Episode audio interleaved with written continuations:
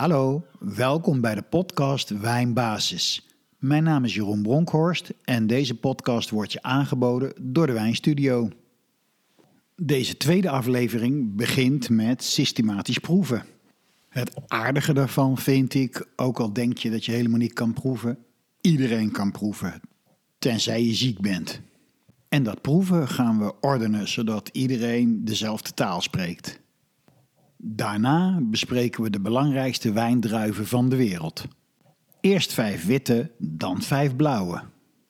En dan komen we op een stuk uit wat ik wijnpraktijk noem. Fouten in de wijn, wijn bewaren, de voor- en nadelen van kurk en schroefdop, serveren, decanteren, schenktemperatuur, fouten in de wijn die geen fouten zijn. En als laatste een stukje over alcohol en gezondheid. Tot zover het overzicht van deze podcast. Laten we maar beginnen met waar we het allemaal voor doen: het proeven. We maken in deze podcast gebruik van de internationale proefmethode. Dat is een manier die heel makkelijk te leren is en erg effectief. Het fijne daarvan is ook dat iedereen in de wereld op dezelfde manier proeft. Wat wil je er eigenlijk mee bereiken? Nou, om te beginnen wil je natuurlijk wijn op zijn kwaliteit beoordelen. Je wilt alle wijnen die je geproefd hebt met elkaar kunnen vergelijken. En je wil eigenlijk ook je proefnotities makkelijker kunnen onthouden. Daar helpt dit allemaal bij. Tijdens het wijnproeven kom je allemaal verschillende soorten aroma's tegen. Die kun je gevoelsmatig wel in eh, groepen bij elkaar zetten. Bijvoorbeeld lichtrood fruit zoals eh, aardbeien aan frambozen of eh, citrusfruit zoals mandarijn en sinaasappels. Of bijvoorbeeld alle noten. Op internet kun je allerlei aromawielen tegenkomen. Die zijn bedoeld als een handvat. Ik heb er ook één voor je ontwikkeld, een aroma cirkel. Ik vond het systeem van het wiel niet zo handig dat je moet draaien. Bij de aromacirkel hoeft dat niet. Je kunt die downloaden op www.wijnstudio.nl slash aromacirkel. We gaan proeven zoals alle professionals het doen. En dat gebeurt altijd in dezelfde volgorde. Kijken, ruiken, proeven, conclusies. Het enige verschil tussen jou en een professional is nu dat de proefnotities van een professional meestal veel diepgaander zijn, veel uitgebreider. Maar het principe blijft hetzelfde. We beginnen dus met kijken. Zorg dat er voldoende licht is en zorg altijd voor een witte ondergrond. Hou het glas tegen het licht en kijk er doorheen en stel vast of de wijn helder of troebel is. Kijk dan naar de kleur, naar de tint. Is het paarsrood? Is het helder robijnrood? Is de wijn al wat ouder en komt er een beetje oranje in voor? Of is de wijn echt oud en is die amberkleurig of bruin geworden? En dan stel je de intensiteit van de kleur vast. Dat is dus iets anders dan de tint. Nu kijk je van boven naar beneden door het glas en stel je vast, kun je er goed doorheen kijken, dan is het licht. Zie je je vingers eigenlijk niet meer eh, onder het glas tevoorschijn komen, dan is het heel intens van kleur. Goed, nog geen conclusies trekken, gewoon opschrijven. Stap 2, we gaan ruiken. Steek je neus in het glas en ruik aan de stilstaande wijn. Komt er al wat naar je toe? En dan ga je walsen. Je draait de wijn in het glas rond zodat er veel zuurstof bij komt. Dan komen er heel veel aroma's vrij. Om te kunnen walsen moet je glas ook groot genoeg zijn. Die oude horeca wijnglazen van vroeger, dat was echt een ramp. Die werden dan tot de rand toe gevuld, zodat het er heel gul uitzag, maar het waren eigenlijk hele kleine glazen. En je kon er niks mee. Voor het ruiken gebruik je de aromacirkel. Begin altijd in het midden met de hoofdgroepen. Het fruit staat bovenaan en dat is niet voor niks, dat is toch hetgene wat je het eerste waarneemt. Je ruikt fruit. Wat voor type fruit ruik je? Is het eh, heel lichte, frisse bosfruit? Of is het heel vol en zwaar en rijp, eh, bramen en vijgen? Ik heb het nu natuurlijk over een rode wijn. Als het een witte wijn zou zijn, dan zou je zeggen: ruik ik bloemetjes, appeltjes, peertjes. Of ruik ik meer perzik? Of ruik ik misschien zelfs wel tropisch fruit? Ruik ik banaan, litchi, papaya enzovoort? En dan ga je de cirkel verder af. Soms zit er een heleboel in uit allemaal verschillende hoeken. En soms is het gewoon heel simpel. Zijn het maar één of twee geurtjes. Nou, dat is dan zo. Noteer wat je ruikt en dan gaan we door met het volgende, het proeven. Bij proeven neem ik zelf het liefst twee keer een grote slok. Die laat ik door mijn hele mond gaan. En dan let ik gewoon op uh, wat ik uh, tegenkom. Maar er zijn ook mensen die liever een heleboel kleine slokjes nemen. Nou, dat moet je maar voor jezelf ontdekken wat voor jou het lekkerste werkt. Let goed op, in het begin proef je vaak andere dingen als op het eind. En onthoud, het is allemaal waar. Er is ook nergens in de proefmethode een goed of fout. Het is gewoon waarnemen. Er is alleen goed of fout als er duidelijk een fout in de wijn zit, zoals kurk of azijn. Bij proeven lopen we dus een paar stappen af. We beginnen bij de zoetheid. Als het een droge wijn is, is het zuur de baas over het zoet. Bij halfzoete wijn speelt het zoet duidelijk een belangrijke rol. En bij een zoete wijn praat je over een dessertwijn. Dan gaan we naar de zuurgraad. Zuur neem je op drie manieren waar. Je krijgt speekselvorming, je krijgt prikkeling aan de zijkant van je tong en je proeft het heel goed in de afdronk. Als dat alle drie gebeurt, heb je te maken met hoog zuur.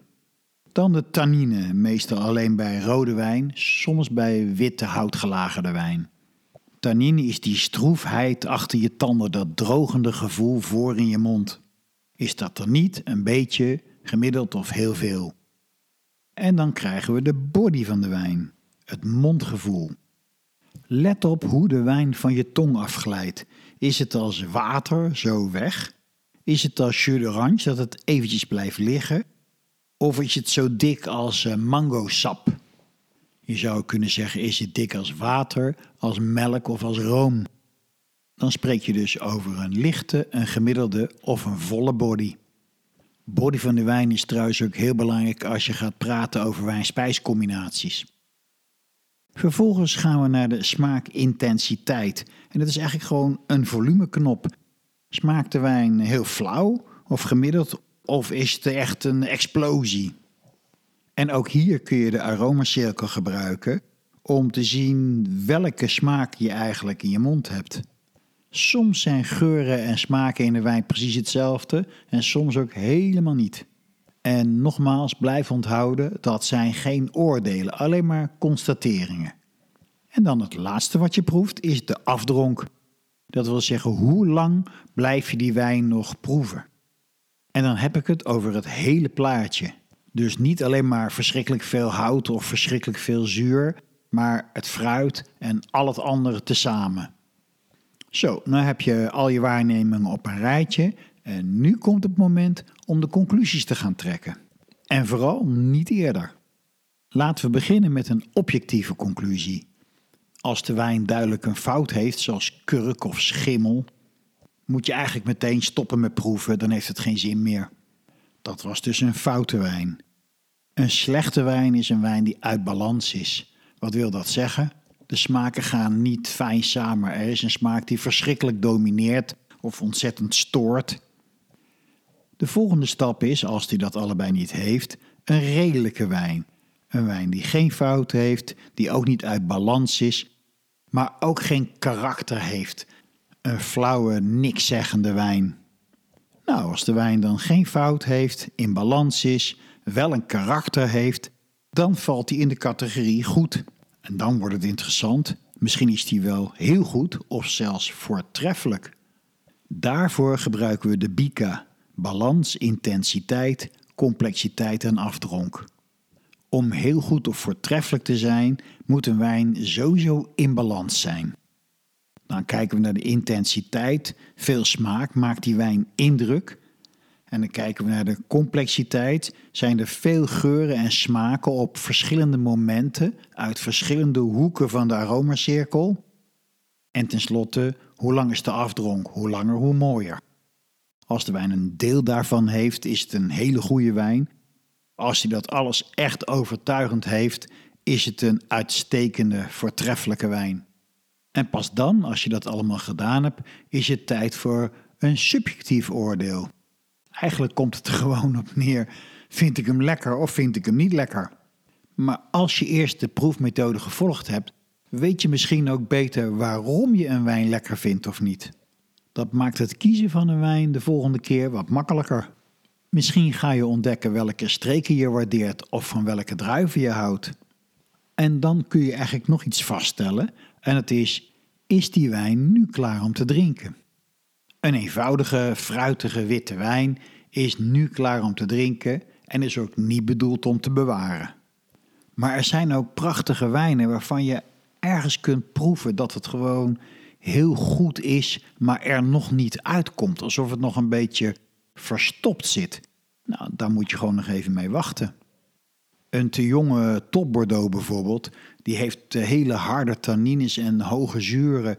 Die is eigenlijk wel heel fruitig, maar je weet gewoon, dit gaat veel zachter en ronder en uiteindelijk ook complexer worden. Dus lekker bewaren. Als je bij mensen komt die een eh, verzameling in de kelder hebben, kom je veel tegen dat er wijnen bij zijn die eigenlijk al te ver heen zijn. Dan worden ze duf en een beetje slap en ze noemen dat ook wel vermoeid. Het fruit is weg, de zuren zijn een beetje slap geworden. Er valt eigenlijk niks meer te beleven. Jammer, te laat. En dan heb je nog de wijnen die helemaal over de kop zijn. En die smaken meestal naar azijn, want dat zijn ze ook geworden. Tot zover het proeven. Nog een paar laatste tips. Tip 1 is: proeven is opletten. Benoemen, eventueel opschrijven wat je precies waarneemt. Tip 2 is: proef alles apart. De zoetheid, het zuur, de body, het staat allemaal los van elkaar. Proef het allemaal op zichzelf. En tip 3: trek nooit te snel een conclusie. Wacht tot je alles geproefd hebt. Als je het op deze manier aanpakt, zul je merken dat je steeds beter begint te proeven. Oh ja, en nog een uh, andere laatste tip. Laat je niet gek maken door mensen om je heen. Het is hartstikke leuk om samen te proeven en ja, mensen kunnen je heel goed helpen om dingen te ontdekken waarvan je denkt, oh ja, dat proef ik eigenlijk ook wel. Maar laat je nooit intimideren door uh, wijnkenners. Een echte wijnkenner vindt het leuk om het je te leren. Zoek altijd mensen uit bij wie je je prettig voelt. Tot zover het proeven. Ik wens je er heel veel plezier mee. En dan gaan we nu door met het volgende onderwerp: de belangrijkste witte wijndruiven.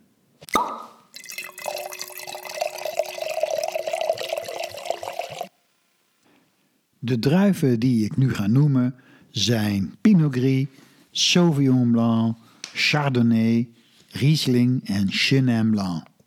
Die behoren tot de meest aangeplante druiven in de wereld, maar ze zijn ook het meest toonaangevend. In heel veel bars en restaurants is het eigenlijk zo voorspelbaar wat je krijgt. Ik moet er altijd wel een beetje om lachen. Dan komt er weer iemand naar je toe met die standaardvraag: Wilt u Sauvignon Blanc, Chardonnay of Pinot Gris? En eigenlijk bedoelen ze daarmee te zeggen: Wilt u een frisse, fruitige, geurige wijn? Sauvignon Blanc dus. Of wilt u een dikke, volle, wat vette, houtgelagerde wijn? Chardonnay. Of wilt u het liefste een wijn met zo weinig mogelijk smaak? Pinot Gris. En dat zou je misschien verbazen, maar weinig smaak is altijd populair geweest. Als je het karakter van druiven wilt leren kennen en onthouden, kan het leuk zijn om je daar een beeld bij te vormen. Voor witte wijn heb ik het volgende bedacht. Pinot Gris noem ik het talentvolle kind het wordt of een mislukking of met de juiste opvoeding een topper. Sauvignon Blanc is de omstuimige, altijd druk en aanwezig. Misschien heeft hij wel ADHD. Chardonnay wordt wereldwijd de chameleon genoemd. Hij past zich echt overal aan. Hij groeit in ieder klimaat. Hij reflecteert ook telkens heel goed wat het klimaat is waar hij in groeit. Als een chameleon zijn kleur aanpast. En de wijnmaker kan er ieder type wijn van maken. Dan krijg je de Riesling en die wordt in de Elzas de koning genoemd. Onder wijnprofessionals wordt Riesling alom geprezen. Als hij op zijn troon zit, behoudt hij die stevige zuren, die prachtige rijke aroma's. die lange afdronk en hij kan enorm goed rijpen. En als laatste witte druif de Chenin Blanc, die noem ik de eigenzinnige. Dat is er een die maakt vrienden en vijanden. En weinig daartussen. Nou, misschien heb je zo een beetje een beeld gekregen van de druiven. Laten we maar eens beginnen met die uh, Pinot Gris. In de wijngaard ziet hij er heel leuk uit, want hij is vaak meer rood dan geel. Van zichzelf heeft hij geuren van appel, persik, bloemen en papaya. Alles is nogal gemiddeld aan de wijn. Het zuur, de body, de intensiteit. Maar dan komt het, waar staat hij? En laat je hem een grote opbrengst geven? Of ga je flink snoeien en zorg je dat de opbrengst beperkt blijft? We kennen allemaal die vreselijke slappe Pinot Gris uit de supermarkt, vaak de allergoedkoopste wijn, kraak nog smaak. Meestal Pinot Grigio uit Italië. Maar als Pinot Gris in een heel koel gebied staat, zoals in de Elzas of in Duitsland of in Noord-Italië, met een lage opbrengst, kan het een heerlijke wijn worden. Sterker zelfs, hij doet het ook houtgelagerd heel goed. Pinot Gris is wat mij betreft een van de meest veelzijdige wijnen die je kunt gebruiken bij het eten.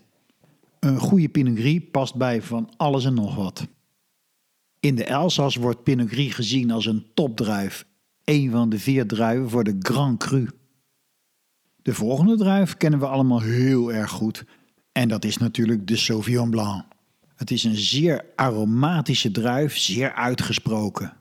Het is ook een hele leuke druif om te testen voor welke aroma's je gevoelig bent. Probeer het maar eens uit. Ik heb aan mezelf gemerkt, ik ben erg goed in het waarnemen van de groene geuren. Gras, asperges, selderij, groene paprika. Dat vind je allemaal terug in Sauvignon Blanc. Maar Sauvignon Blanc heeft ook een hele andere kant. De tropische fruitaroma's. Papaya, litchi en mango. En er is één gebied in de wereld waar dat allebei enorm goed tot zijn recht komt. En dat is Marlborough in Nieuw-Zeeland. Sauvignon Blanc smaakt altijd fris. En als we het over fris hebben, bedoelen we zuur. Dus hoge zuren. Het heeft een gemiddelde body en intense geuren en smaken. Ook de Sauvignon Blanc doet het vooral goed in de wat koelere klimaten, zoals Nieuw-Zeeland. Hij staat ook in de Loire, in de Sancerre en Pouilly-Fumé. En daar gebeurt iets heel bijzonders met Sauvignon Blanc. Ze verstaan de kunst om dat heftige te temmen. Een mooie Sancerre smaakt heel ingetogen. Je proeft bijna niet meer dat het van een Sauvignon Blanc gemaakt is. Sauvignon Blanc kom je op heel veel plekken in de wereld tegen. Waar die het ook erg mooi kan doen, is in Zuid-Afrika. Ik zou Sauvignon Blanc omschrijven als een typische zomerwijn. Hoge zuren, fruitig en verfrissend. De druif die daar totaal tegenover staat en die we ook allemaal heel goed kennen, dat denken we tenminste, is de Chardonnay. Chardonnay is bijna een merknaam geworden. Het is nu de meest geteelde en meest gedronken witte druif ter wereld. Vraag eens om je heen wat mensen denken dat Chardonnay is. En dan krijg je dat boterige, dikke, vette, houtige, echte winterwijn. Maar Chablis is ook 100% Chardonnay. En dat is knetterzuur en helemaal niet vet en dik. Chardonnay is een niet-aromatische druif. Wijnboeren en wijnmakers zijn er dol op, want je kunt er alle kanten mee uit. Hij doet het goed in koele klimaten, gemiddelde klimaten en zelfs hele warme klimaten. Het is een belangrijke druif eh, van champagne, maar hij doet het ook vreselijk goed in Australië. Chardonnay wordt ook veel gebruikt om andere wijnen een beetje mooier te maken. En alles bij elkaar noemen we een Chardonnay de chameleon onder de druiven. Hij is natuurlijk echt beroemd geworden in de Bourgogne. En we kennen denk ik allemaal de beroemde Meursault en die stijl wordt overal ter wereld geïmiteerd. En zo komt het dat uh, Chardonnay in Amerika en Australië zo vet en houtgelagerd is gemaakt. Weer een andere druif met een compleet eigen karakter is de Riesling. Vraag het maar eens aan de wijnprofessionals. Voor veel mensen is Riesling hun favoriete druif. Het is natuurlijk de druif van Duitsland. Riesling komt helemaal tot zijn recht in de allerkoelste wijngebieden van de wereld. Hij heeft van zichzelf aroma's van bloemen, van appel en als die erg rijp wordt ook tropisch fruit en honing. En een hele bijzondere eigenschap is de vorming van petrol. Petrol, het klinkt misschien heel raar, is een benzineachtige lucht. De Riesling-druif ontwikkelt dat als hij onder stress staat door hitte, of hij ontwikkelt het door rijping, door ouderdom. Als het dat eerste is, onder stress staan, dan is het meestal niet zo lekker. Want dan komt de rest van de wijn niet overeen met die petrol. En dat zie je veel in uh, Australië. Ik snap het wel, er waren natuurlijk een hoop Duitsers die gingen naar Australië. Die vonden daar Eden Valley het coolste wijngebied van Australië. En daar moest natuurlijk hun Riesling staan. Maar persoonlijk vind ik dat het nooit echt goed tot zijn recht komt daar. Riesling is typisch een druif met een hoog zuur en een gemiddelde tot volle body en een intense smaak. Hij wordt droog gemaakt, half zoet, maar ook prachtig zoet. Hij staat overal in Duitsland, behalve in Baden in het zuiden, daar is het te warm voor hem. En ook andere koele gebieden, zoals de Elzas en Oostenrijk, zijn er heel geschikt voor. Riesling is eh, gevoelig voor eh, botrytis, edele rotting, we zullen het er nog over hebben. Die rotting zorgt ervoor dat die druif uitdroogt en daardoor concentreert alles zich: zoet, zuur, aroma's en body. En de laatste witte druif is een wat minder bekende, de Chenin Blanc. Een druif met hele bijzondere aroma's. Hij ruikt naar honing en bijenwas, maar ook naar natte wol. Kun je je dat voorstellen? het is toch echt zo. En ik vind hem ook vaak iets hebben van een overrijpe appel. Weet je, met aroma's is het eigenlijk eh, wel gek. Je benoemt ze en soms denk je, maar dat is toch eigenlijk helemaal niet lekker. En toch is het in een wijn lekker. Denk maar eens aan een paardenstal, hoeveel mensen dat fijn vinden om daar te zijn. Hoe lekker dat ruikt. Nou, waar ruikt het eigenlijk naar? Het ruikt naar paardenpis en paardenpoep en paardenzweet met stro. Ja, op zich eigenlijk geen aangename geuren, of toch wel? Goed, terug naar de Chenin Blanc. Hij heeft uh, hoogzuur, een volle body en een gemiddelde intensiteit. Je maakt er droge en zoete en mousserende wijnen van. Hij houdt van koele en gematigde klimaten en doet het goed op bijzondere steensoorten zoals eh, graniet en tufsteen. Je vindt hem vooral in de Loire in eh, Frankrijk. En het is dé druif van Zuid-Afrika geworden. En daar wordt hij steen genoemd. Zuid-Afrika heeft iets gedaan waar ze nu eigenlijk wel spijt van hebben. Ze hebben deze steen, de Chenin Blanc, gebruikt om massawijnen van te produceren. En daarvan ging heel veel naar Nederland. Er zal ongetwijfeld goed geld mee verdiend zijn. En misschien kennen veel mensen die wijnen nog wel Kaapse Pracht. Dat is een tijd lang de best verkochte wijn in Nederland geweest. En waarom? Nou ja, simpel natuurlijk, spotgoedkoop. Het smaakte nergens naar, maar dat kon mensen blijkbaar niks schelen. Daarmee is echter wel het imago van Zuid-Afrikaanse wijn behoorlijk onderuit gehaald. En dat is echt super jammer, want er worden prachtige wijnen gemaakt. De mooiste Chenin Blancs, wat mij betreft, komen uit de Vouvray, uit de Franse Loire. En met name de zoete wijnen zijn fantastisch. En daarmee hebben we de belangrijkste witte druiven van de wereld gehad. En misschien heb je het wel gemerkt, behalve de Riesling zijn het echt typisch Franse druiven. En dat geldt ook voor blauwe druiven. Er worden natuurlijk hele mooie wijnen gemaakt in Italië en in Spanje en op een heleboel plekken van de wereld. En er zijn hele interessante druiven, zoals de Spaanse Tempranillo en de Italiaanse Nebbiolo. Maar wereldwijd zijn Franse druiven dominant. Tot zover de witte druiven. We stappen nu over naar de belangrijkste blauwe wijndruiven van de wereld. Van de vijf belangrijkste druiven in de wereld heb ik ook een plaatje gemaakt. Een vergelijking met mensen. En misschien helpt je dat om wat meer gevoel te krijgen voor die druiven, wat makkelijker te onthouden. De eerste is de Pinot Noir. Dat is de artiest. Die maakt overal iets bijzonders van. En hij verrast telkens weer door onverwachte creativiteit. Als je met meerdere mensen aan tafel bent en je weet niet zo goed welke wijn je moet kiezen, vooral als de een vis en de ander vlees bestelt, is Pinot Noir vaak de uitkomst. Niet alleen uit de Bourgogne, maar zeker ook uit Duitsland. Dan is er Merlot, dat noem ik de vriendelijke buurman. Dat is degene die de hele buurt helpt. Hij doet geen vlieg kwaad, maar hij heeft ook geen uitgesproken mening. past overal een beetje in. Zijn tegenhanger is de Cabernet Sauvignon. Dat is de generaal, de leider. Die is streng en onverzettelijk en geeft de richting aan en iedereen volgt.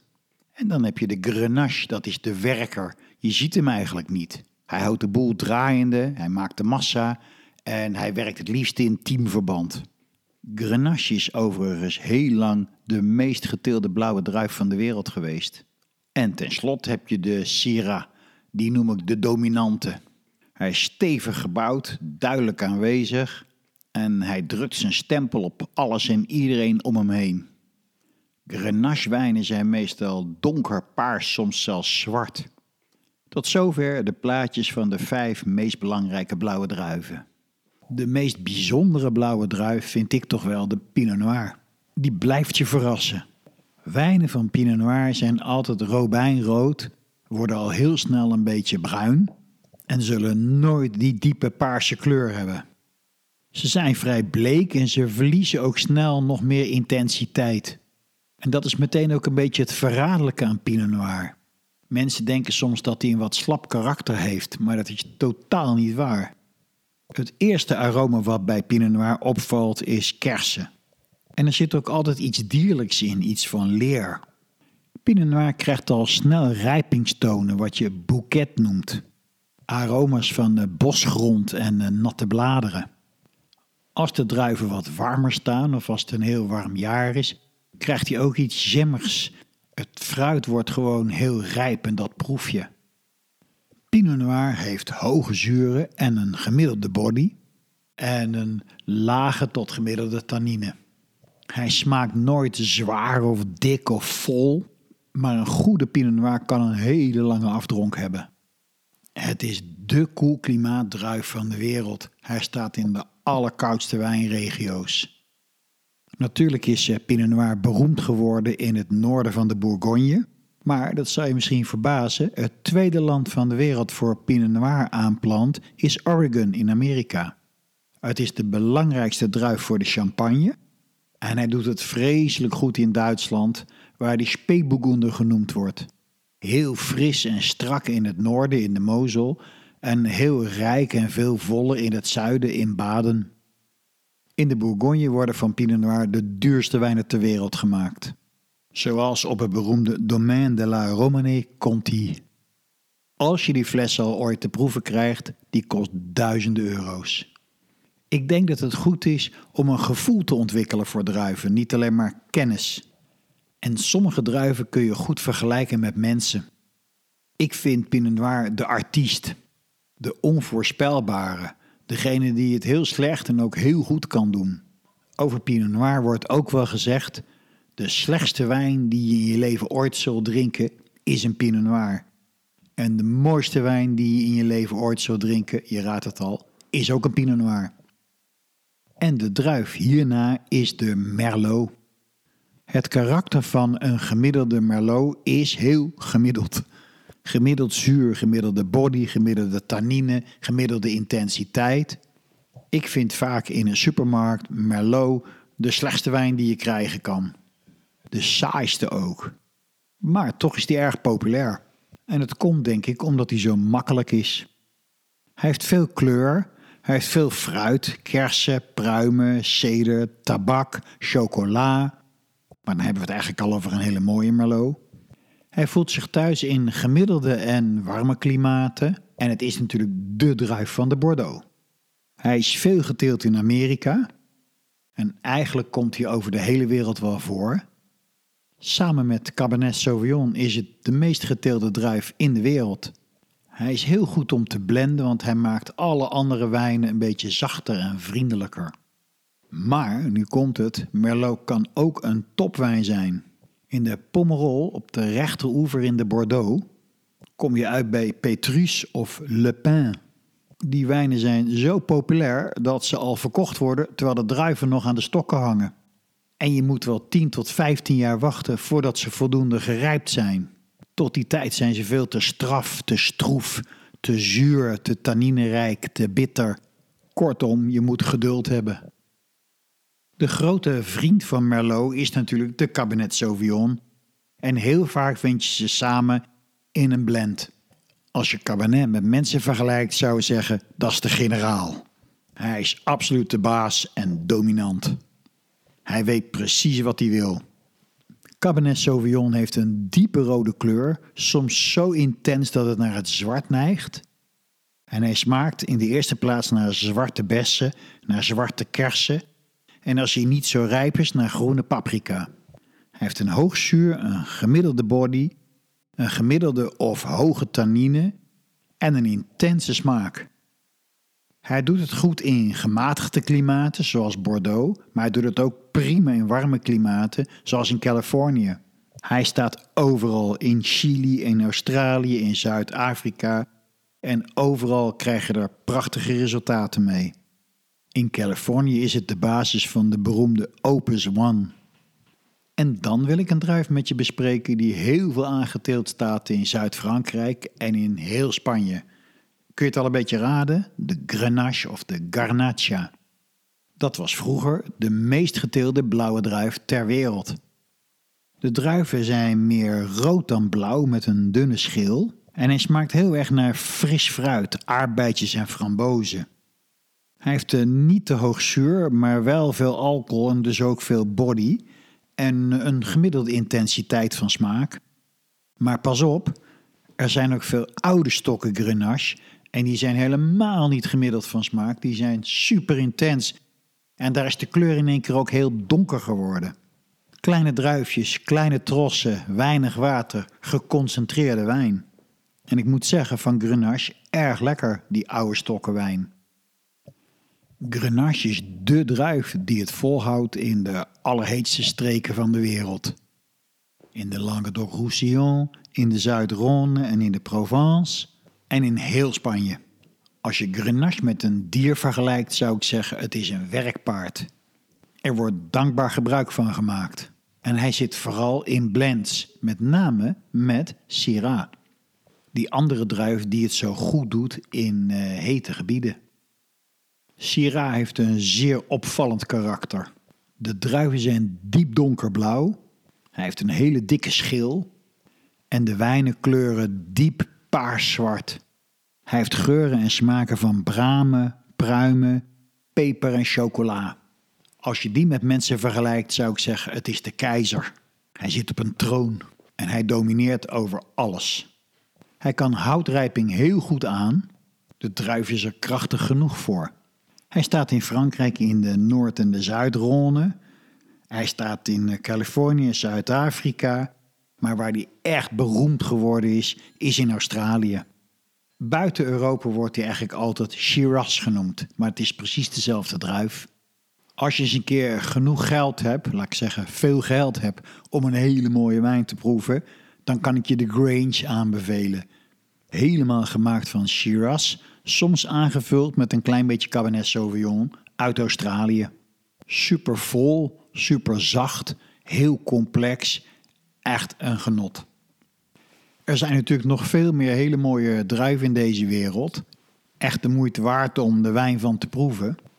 Maar ik wilde een basispodcast maken. We gaan niet meteen de diepte in met 50 eh, druiven. Ik hoop dat je met deze beschrijvingen een beeld krijgt en vooral ook een gevoel krijgt bij die druiven. En ik kan niet anders zeggen, probeer ze lekker uit. Het volgende deel van deze podcast is wijn in de praktijk.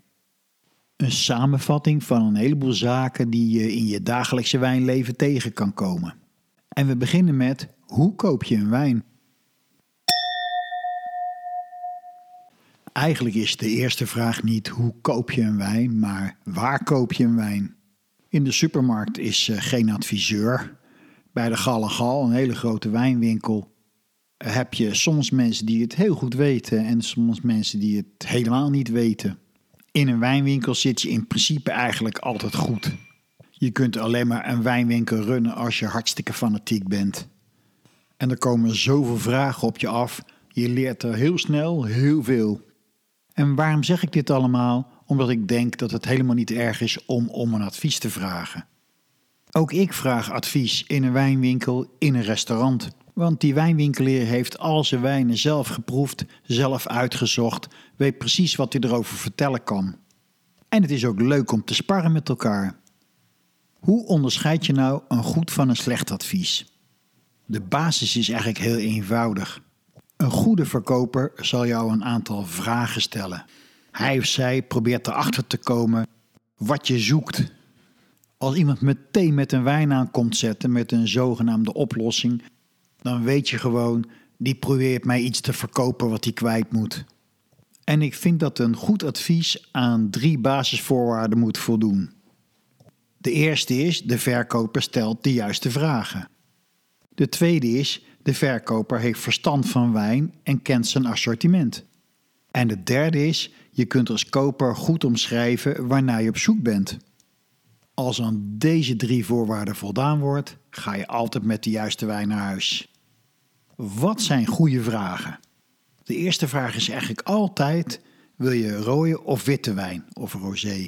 En gek genoeg weet iedereen dat altijd. De volgende vraag is de stijl. Zoek je licht, fris en fruitig of stevig en vol?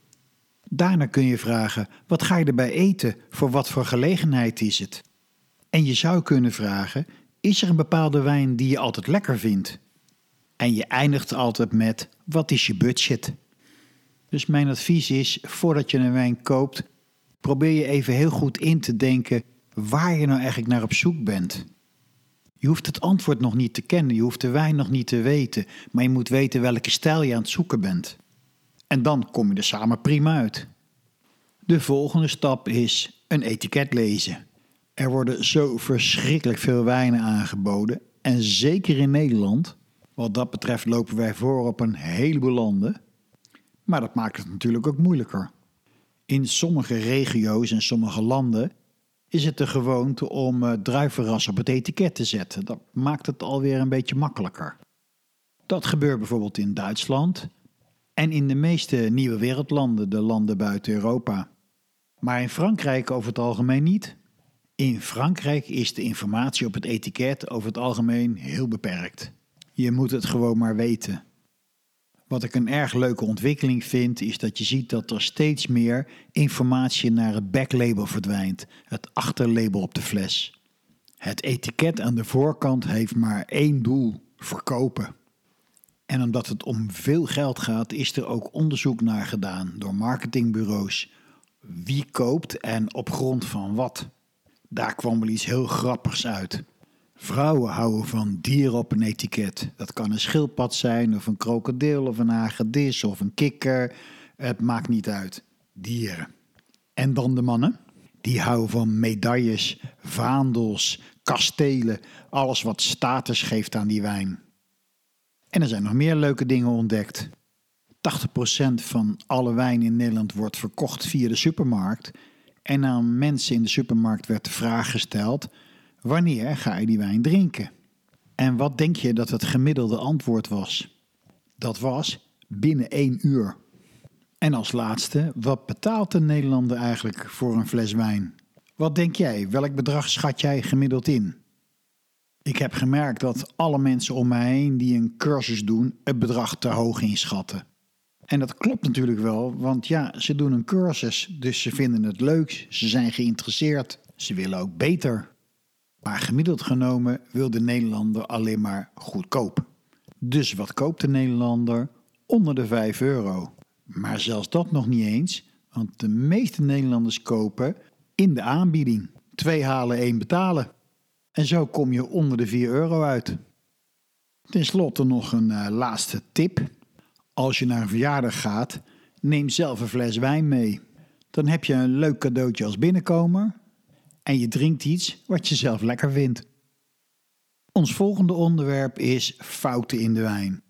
En je zult zien dat voor een hoop fouten geldt dat ze in de ene wijn fout zijn en in de andere wijn gewenst.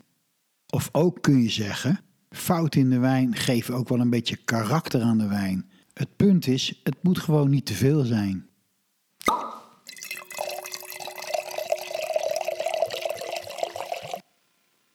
De eerste fout die ik met je wil bespreken is koolzuur, oftewel CO2, bubbels, moes. Dat is gewenst in champagne en cave en prosecco en sect, maar niet zomaar in een stille wijn. Je hoort de belletjes en je proeft het ook op je tong. De oorzaak, de wijn is gaan hergisten. Het gek is, soms is het ook nog wel lekker ook als het een klein beetje is. De tweede fout is maderisatie. De geur van karamel en rozijnen en stropen en uh, gestoofde tonen in een uh, Bordeaux bijvoorbeeld. Iets wat je echt niet in die wijn wilt. Wat is er gebeurd? De wijn is te warm geweest. In de drank Madeira is het juist gewenst. En dan is er oxidatie, zuurstof. Witte wijnen worden donkergeel en rode wijnen krijgen een amberkleurige rand.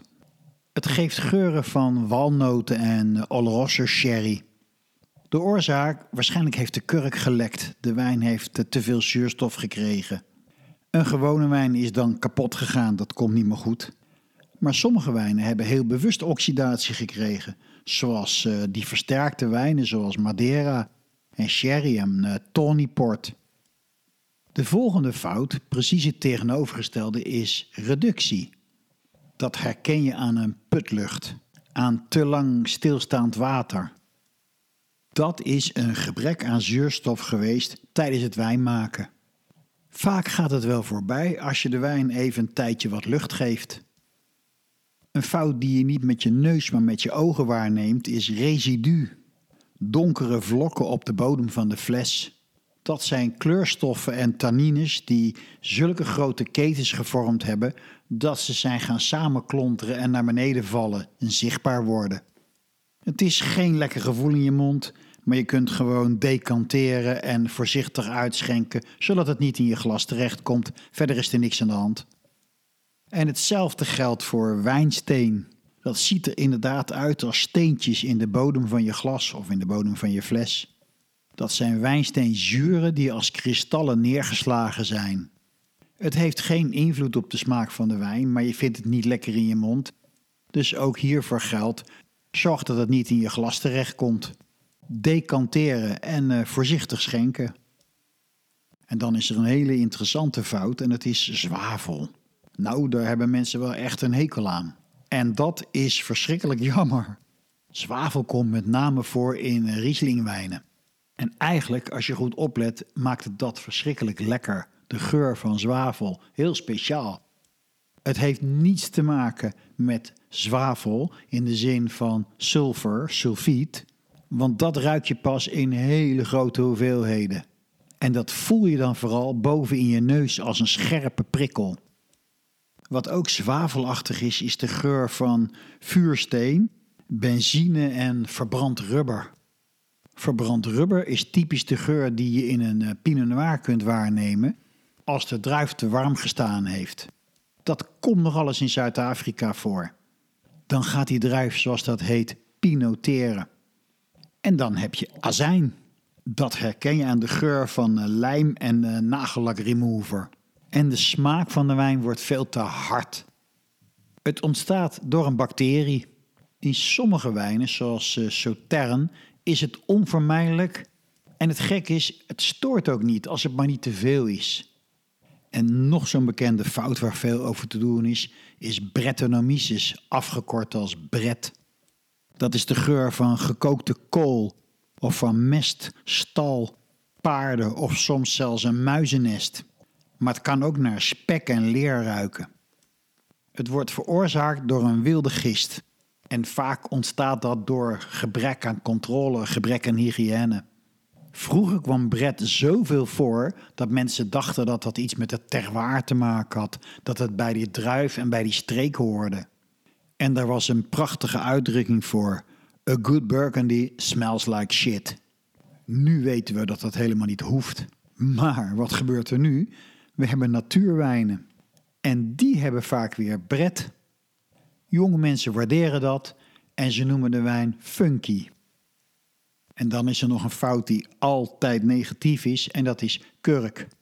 Kurk is een uh, chloorverbinding veroorzaakt door een chemische reactie. En het eerste wat je merkt van kurk is dat de wijn zijn geuren verliest, vooral zijn fruit. Hij wordt vlakker. En dan komt er een geur tevoorschijn van schimmel, van natte kelders, van nat papier, van schimmelig leer. Als je het al aan kunt om eh, daar doorheen te ruiken, ik vind dat verschrikkelijk, maar er zijn mensen die doen dat. Dan nog smaakt die wijn helemaal niet lekker. Overigens, omdat kurk een chemische reactie is, kan het dus ook voorkomen onder schroefdop en ik heb dat meegemaakt. In een restaurant met een heel onervaren meisje tegenover me en die begrepen eigenlijk niet hoe het kon dat er kurk zou zitten in een wijn onder een schroefdop. En dat snap ik dan ook wel weer. Een aardigheidje om te weten over wijn met kurk. Iedere fles smaakt anders. En nog even dit voor de duidelijkheid. Een drijvend stukje kurk op je wijn heeft daar dus niks mee te maken. Ten slotte zijn er nog allerlei afwijkingen die in een wijn voor kunnen komen die je niet kunt benoemen. Die ontstaan door rotting, door bederf, door bacteriën. Ik kan je alleen dit zeggen: vertrouw op jezelf, net als met eten. Als je denkt dat iets echt niet prettig is, nou dan ga je het gewoon niet drinken. Nog wat over de kurk en de schroefdop. Wat is eigenlijk beter? Als je het consumenten vraagt, zeggen ze over het algemeen: ja, kurk, dat is toch echt mooier. Maar als je het mensen in de horeca vraagt, zeggen ze meestal: geef mij maar schroefdop. Want als je het erg druk hebt, spaart het een hoop werk uit. Kurk is een prachtig product gemaakt van een bast van een kurkeik en die groeit in warme, droge streken. De helft van alle kurkeiken in de wereld staat in Alentejo, in het kurkdroge zuidoosten van Portugal. Als je een kurkeik plant, moet je 43 jaar wachten voordat je voor de eerste keer een fatsoenlijke kurk kunt oogsten. Die kurk stans je uit die bast. Kurk kun je tot 30% indrukken. Zo veerbaar is het. En dat maakt hem natuurlijk een hele goede flessenafsluiter. Kurk geeft beleving en een minieme zuurstofinwerking op de wijn, die daardoor mooi kan rijpen. Helaas is kurk ook de veroorzaker van het verschijnsel kurk, omdat die fout vooral optreedt in schimmels. En bij kurk is het verschrikkelijk moeilijk om dat eruit te halen. De mooiste en de duurste kurken zijn lang en heel stevig. En die kunnen wel 2,50 per stuk kosten. Er zijn natuurkurken, gewoon recht toe recht aan. Maar er zijn vooral heel veel samengestelde kurken, composieten. Kleine deeltjes kurk die met lijm aan elkaar gezet zijn. Kijk de volgende keer maar eens naar een champagnekurk. Dat is meestal een composiet met aan de onderkant twee plakjes kurk. Dat is een hele slimme oplossing. Ze willen waarschijnlijk niet dat die lijm van die composiet in die champagne terechtkomt. Maar een gewone natuurkurk die zo dik is als een originele champagnekurk, nou, die zijn bijna niet te vinden. Uiteindelijk komt de champagne dus niet met de lijm in aanraking, maar met een dun plakje kurk. De schroefdop heeft het uh, risico op het kurkverschijnsel natuurlijk tot bijna nul teruggebracht.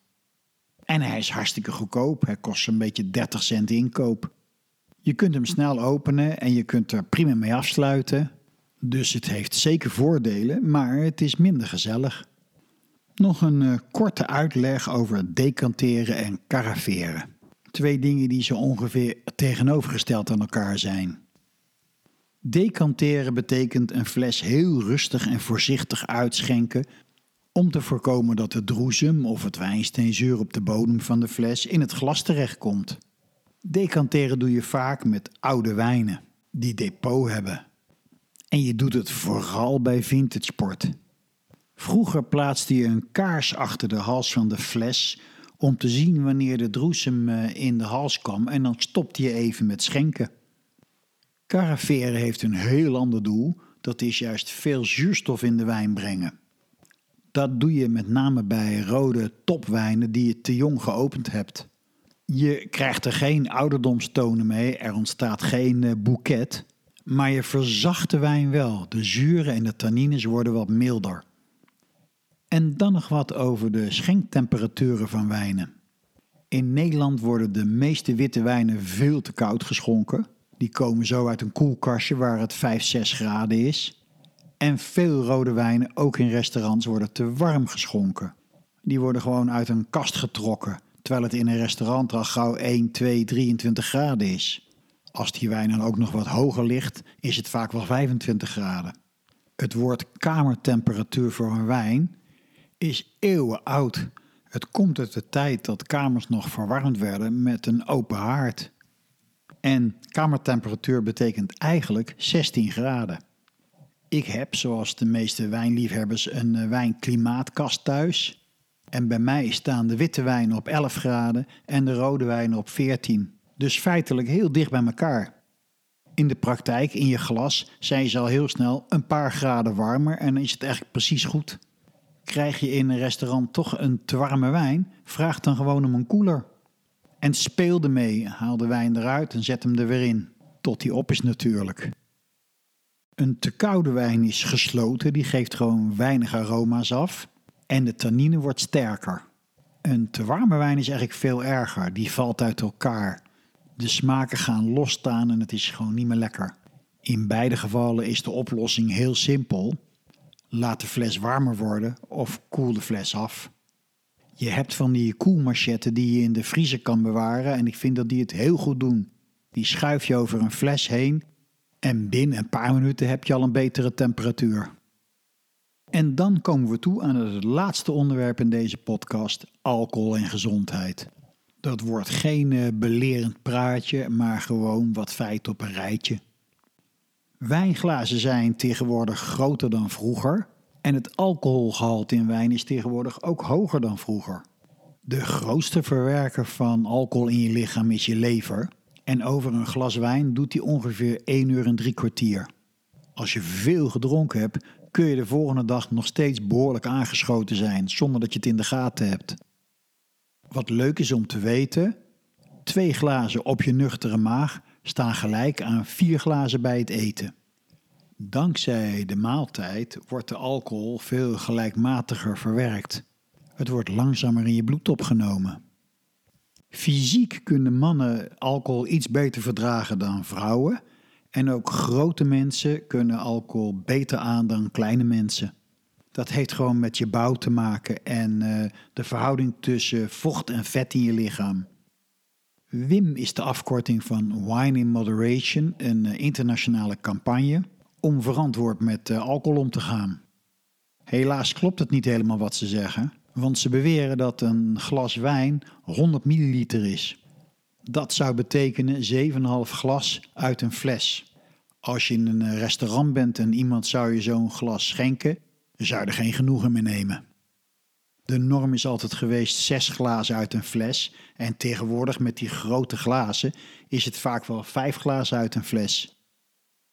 Het beste wat je kunt doen om alcoholverslaving en problemen tegen te gaan, is alcoholvrije dagen instellen, zodat het nooit een gewenning wordt om elke dag te drinken.